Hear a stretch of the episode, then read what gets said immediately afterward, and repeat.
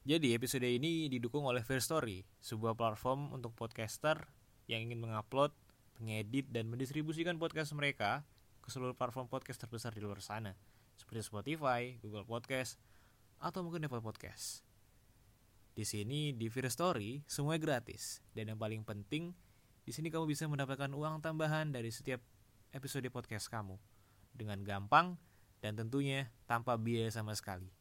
Ayo tunggu apa lagi? Gue tunggu lo buat join ke First Story karena ini adalah platform podcaster terbaik yang pernah ada.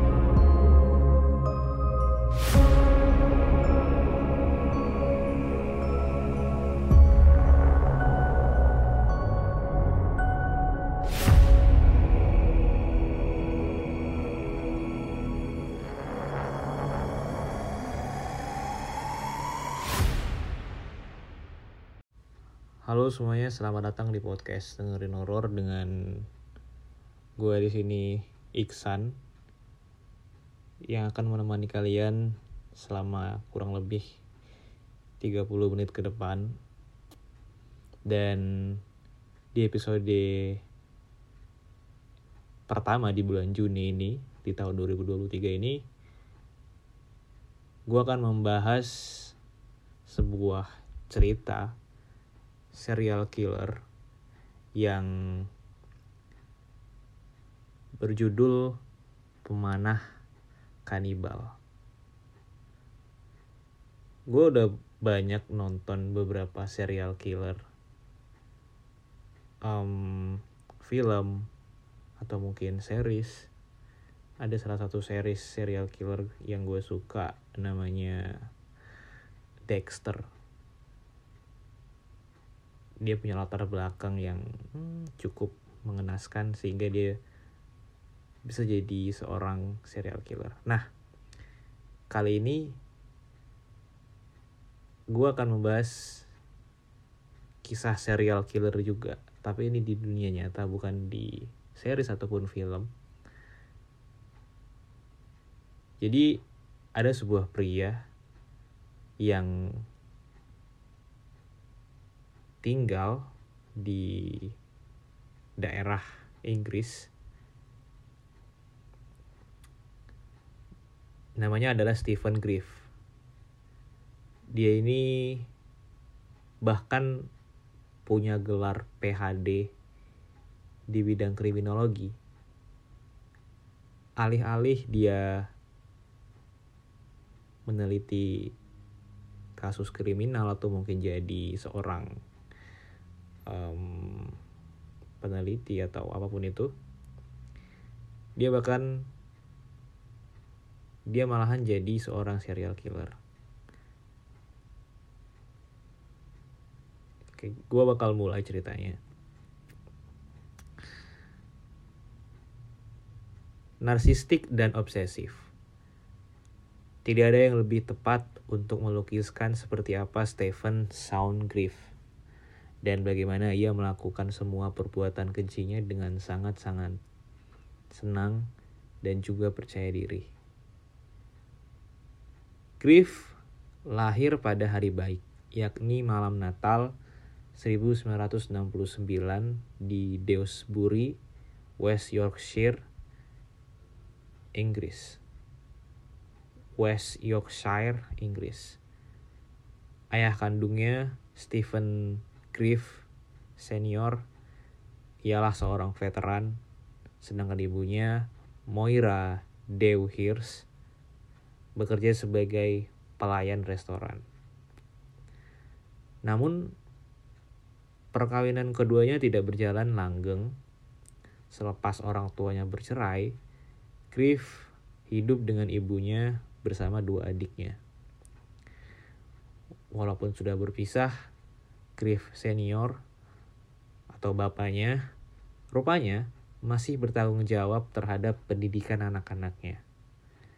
Dengan tabungannya, ia bersama Moira atau istrinya sanggup menyekolahkan anaknya Griff di Queen Elizabeth Grammar School. Ini adalah institusi pendidikan legendaris di negeri para raja yang telah berusia 400 tahun. Dan di tempat itu pernah bersekolah seorang pembunuh serial killer yang namanya John George Hyde yang terkenal dengan julukan vampir di era 1940-an. Merupakan hal yang lumrah apabila para siswa tahu tentang sejarah sekolah. Terlebih, kasus pembunuhan berantai pada masa silam selalu menyertai memori publik yang bahkan banyak masih mengingatnya sampai hari ini. Bagi Griff, sekolah menjadi awal mula perkenalannya dengan kisah pembunuhan. Sebelum itu, dia bukan anak nakal, meskipun bukan juga siswa yang menonjol dalam akademik. Selanjutnya, Griff memulai karir kejahatannya dengan mengutil toko Sampai di sini belum ada yang terlalu mengkhawatirkannya, sebab pengutilan bisa dilakukan oleh siapa saja. Ya, siapa aja bisa ngutil gitu kan. Akan tetapi di usia 17 tahun, Griff dilaporkan usai menggores leher seorang pegawai supermarket. Untuk mempertanggungjawabkan perbuatannya, ia kemudian disidang di pengadilan mahkota atau pengadilan tingkat pertama dengan vonis 3 tahun penjara. Selama di penjara, Griff sebenarnya pernah diperiksa oleh psikiater dan ia didiagnosis memiliki kepribadian yang namanya skizoid. Mungkin teman-teman yang kuliah di psikolog atau sekarang sedang belajar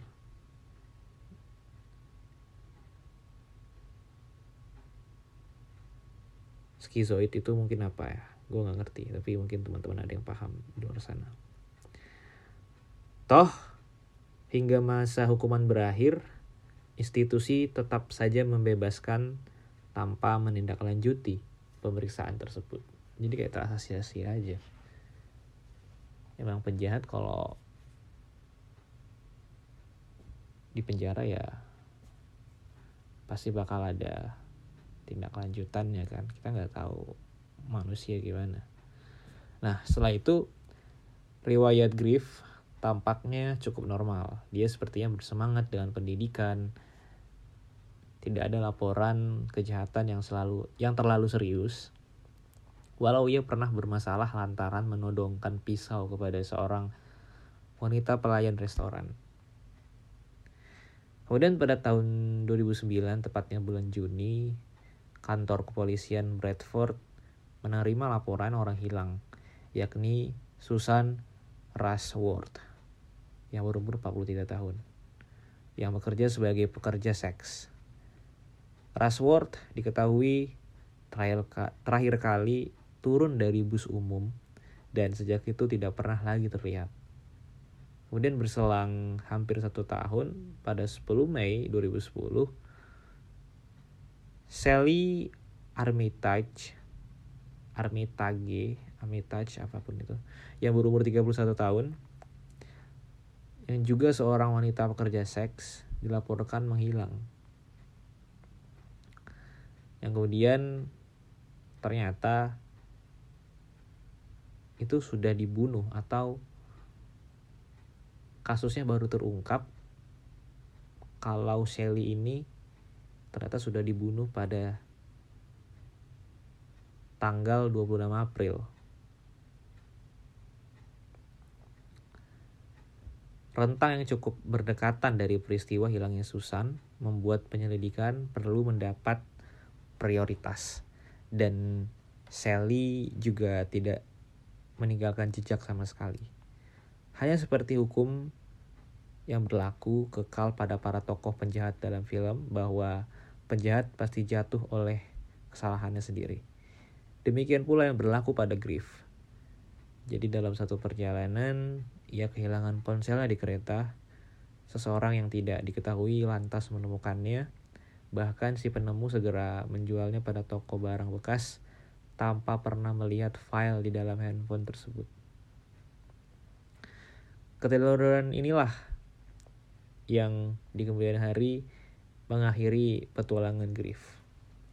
Penada handphone menemukan file video yang menggambarkan proses pembunuhan seorang wanita dan secepatnya ia laporkan hal itu kepada pihak berwajib.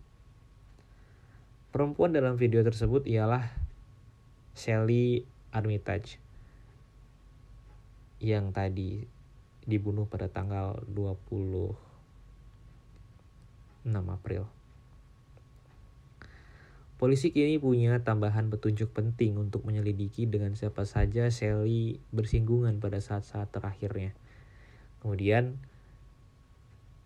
masih dalam hitungan pekan, kantor polisi menerima telepon dari Peter G, seorang pemeriksa keamanan apartemen Homefield Court. Hmm, tentang sesuatu yang mencengangkan yang baru saja tertangkap CCTV.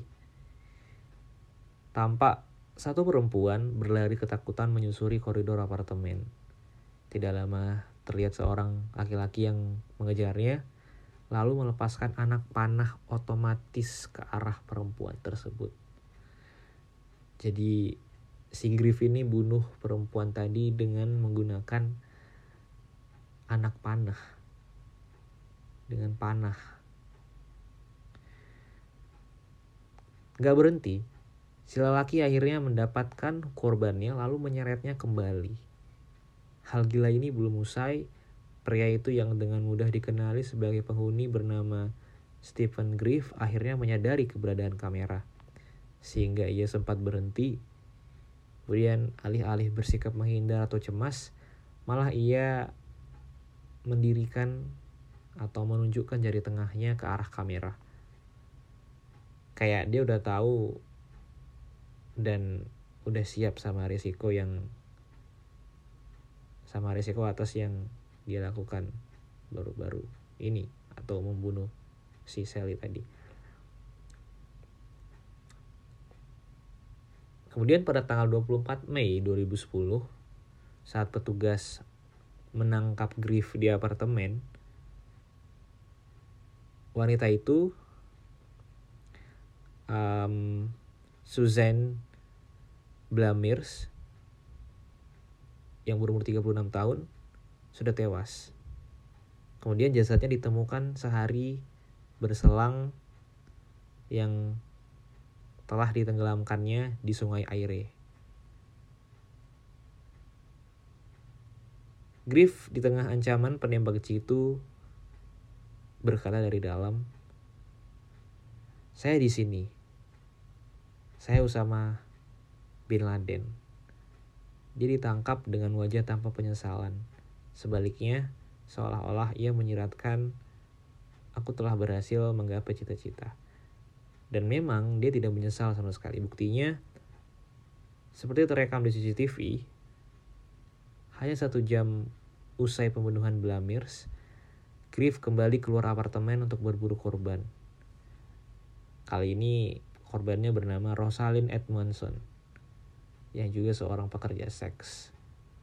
Adalah seorang wanita yang merasa sangat beruntung sebab ia mulanya terpikat dengan Griff sebelum membatalkan niatnya mengikuti lelaki itu ke apartemen. Bahkan setelah gagal merayu Rosalind, Griff masih menunggu satu jam sebelum ia pulang sendirian jadi inilah emang kayak haus gitu dia mungkin setelah bunuh si Blamir dia nyari korban lain Rosalin bla bla bla bla bla bla bibu bibu Rosalin nolak terus ditunggu selama satu jam. Kemudian pria ini bahkan sangat tenang dalam menghilangkan bukti jasad Blamirs dibawa tanpa ragu keluar apartemen, menyusuri trotoar jalanan, lalu menaiki kereta hingga tiba di tujuannya. Selama penyelidikan, Griff ber...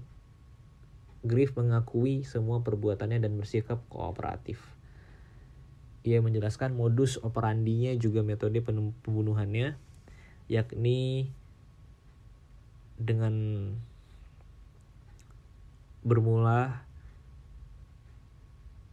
melalui menembakkan panah otomatis lalu membawa korban ke apartemen. Griff menjadikan kamar mandi sebagai laboratorium eksperimen.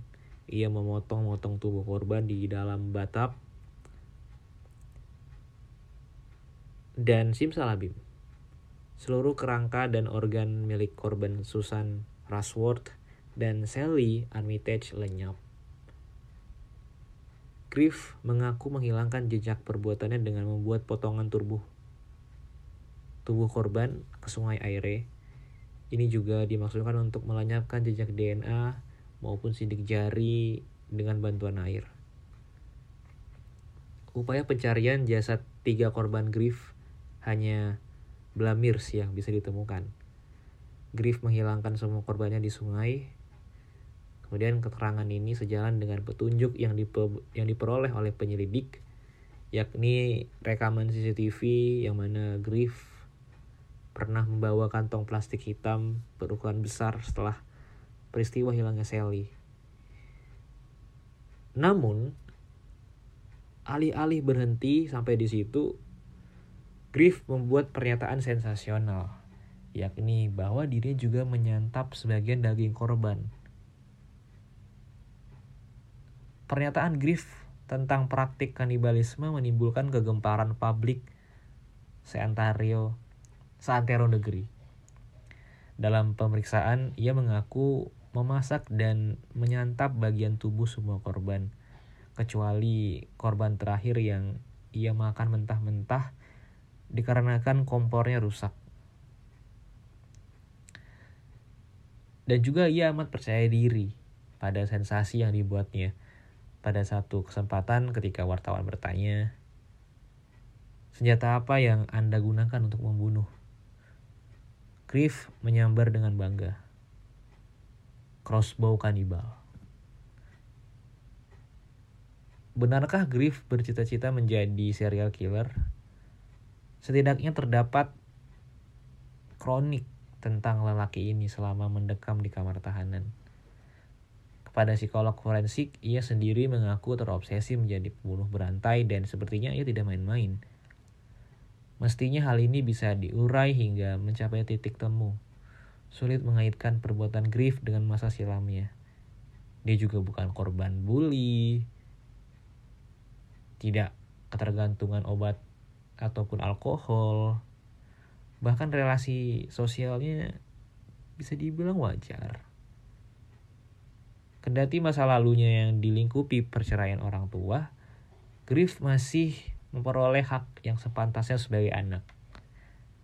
Diagnosis mental yang tercecer hampir 20 tahun silam rupanya bisa memperkuat pernyataan Griff. Ia memang menyimpan potensi berbahaya sejak dulu. Tetangga apartemen mengenalnya sebagai pria yang nyentrik. Kebiasaannya adalah mengaitkan kab mengaitkan kadal pada ikatan tali anjing saat ia jalan-jalan santai di lingkungan sekitar. Kayak psikopat gitu ya. I don't know, mungkin ya. Seorang petugas kepolisian setempat rupanya pernah mencurigai perilaku Griff yang dianggapnya mencerminkan mencerminkan gejala psikopatik. Sayangnya sang petugas tidak bisa menindak lanjut lantaran tidak ada peraturan tentang itu. Serunut waktu, obsesi dan narsistik dalam sosok Griff makin terlihat. Dia menyejer. Menyejajar. Wah. Dia menyejajarkan dirinya dengan Peter Sutcliffe pembunuh dari Yorkshire yang menghabisi 13 wanita sepanjang kurun 1947 sampai 1980. sorry 1975 sampai 1980 dengan hanya mau didampingi firma hukum Bradford Olam dan McGill yang notabene pernah membaca Such Life Such Life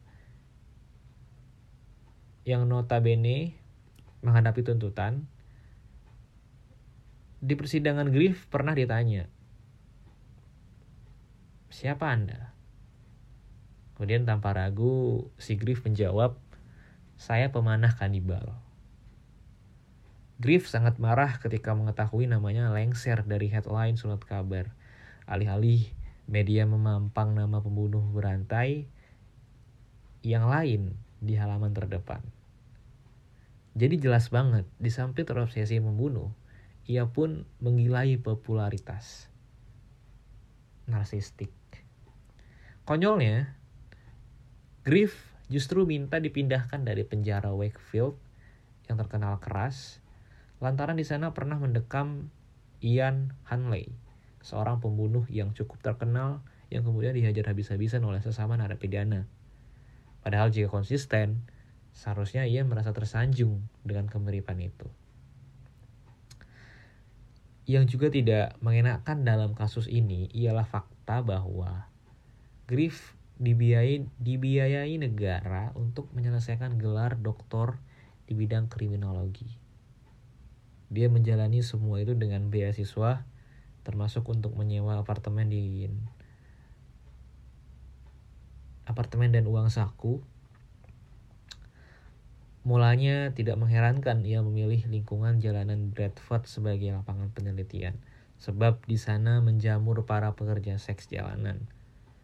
Griff melakukan penelitian tentang sejarah teknik pembunuhan berantai dari masa ke masa dan cukup memaklumi para pembunuh di Inggris kerap menargetkan kalangan pelacur sebagai korbannya. Kemudian pada 21 Desember 2010, pengadilan mahkota Leeds atau pengadilan tingkat 1 akhirnya mem memvonis Griff dengan penjara seumur hidup tanpa pembebasan bersyarat atas dakwaan pembunuhan terhadap tiga perempuan. Pada 2011, si pemanah kanibal kembali membuat sensasi dengan mogok makan selama 120 hari. Di samping menolak berinteraksi dengan siapa pun. Perilaku impulsif ini ditengarai sebagai percobaan bunuh diri. Kemudian pada tahun 2019, seorang sesama tahanan menikamnya dengan potongan kayu tajam. Griff terluka parah akibat serangan itu, namun ia masih hidup sampai hari ini. Kira-kira apa yang bakal terjadi kalau misalnya Griff tidak kehilangan handphonenya yang di kereta pada saat itu? Mungkin menurut gue ya handphonenya bakal jatuh di tempat lain selain di kereta mungkin. Di trotoar tapi ya itu ya yang gue kagum eh gue nggak kagum sih. Nggak ada kagumnya sama serial killer kayak gini cuma dia ini pinter punya ilmu PhD lagi gelar doktor di kriminologi gitu. Dia gunain ilmunya buat buat kesenangan dia sendiri mentang-mentang paham soal kriminolog gimana cara menyembunyiin jejak menghilangkan jejak gimana cara membunuh orang itu kan kayak ya seperti lu lagi eksperimen gitu kan oke deh itu adalah episode pertama gua di bulan Juni Sampai jumpa di episode berikutnya. Gue Iksan. Terima kasih sudah mendengarkan sampai selesai. Jangan lupa klik follow dan share ke teman-temannya. Bye.